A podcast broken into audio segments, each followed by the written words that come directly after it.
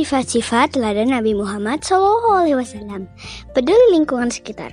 Adik-adik dalam menjalankan dakwahnya, Nabi Muhammad kerap melakukannya dari sebuah masjid yang dibangunnya di Madinah.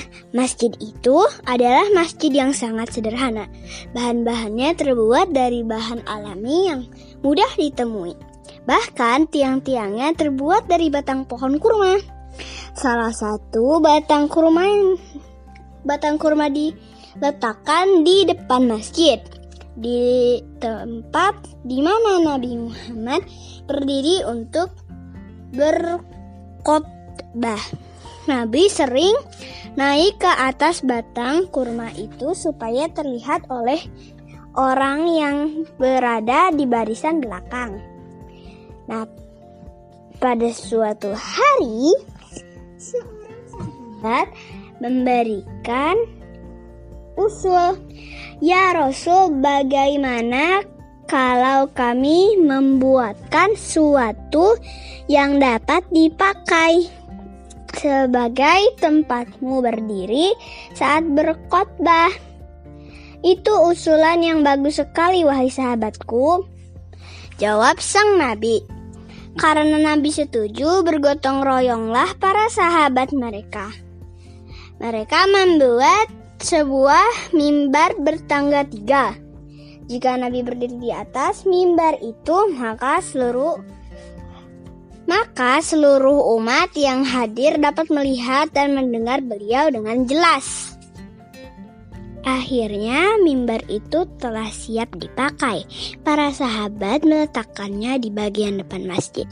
Mereka menggeser batang kurma yang sebelumnya sering dijadikan pijakan oleh Nabi Shallallahu Alaihi Wasallam. Hari Jumat pun tiba. Untuk pertama kalinya mimbar baru itu akan dipergunakan sang nabi. Beliau berjalan melewati batang kurma yang biasa dijadikan mimbar. Lalu beliau memiliki menaiki tangga mimbar barunya. Tiba-tiba terdengarlah suara tangisan dan rintihan. Semua umat yang ada di masjid itu terkejut. Suara apa itu? Semua saling pandang dan bertanya.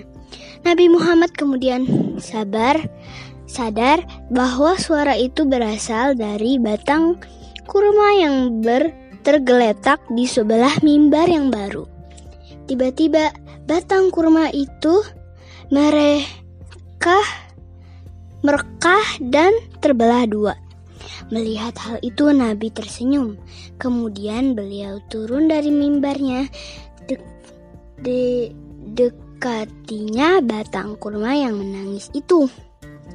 Beliau mengusap dan memeluk batang kurma sampai tangisannya berhenti. Lalu Nabi bertanya, "Wahai batang kurma, Aku punya pilihan untukmu. Engkau memilih aku tanam kembali agar tumbuh dan berbuah di dunia, atau engkau memilih untuk ditanam di surga agar buahmu dapat dimakan para kekasih Allah? Wahai Rasulullah, jawab batang kurma, aku memilih engkau tanam di surga. Lalu Nabi meminta para sahabatnya untuk meletakkan batang kurma itu di dekat mimbar barunya. Beliau kemudian memberikan khotbah yang telah disadasi sedari tadi dinanti-nantikan umat yang hadir di masjid tersebut. Adik-adik, tangisan batang kurma di dalam kisah ini menunjukkan kesedihannya karena tidak lagi digunakan oleh Nabi Muhammad. Ketika terdengar terdengar tangisan si batang kurma, Nabi Muhammad tak segan mengusap dan memeluknya. Dengan penuh kasih sayang, sang nabi menunjukkan rasa kepeduliannya yang tinggi terhadap apa yang ada di sekitarnya. Bahkan batang kurma pun diperlakukannya dengan penuh kelembutan. Adik-adik, sifat kepedulian Nabi Muhammad ini dapat menjadi teladan kehidupan adik-adik sehari-hari.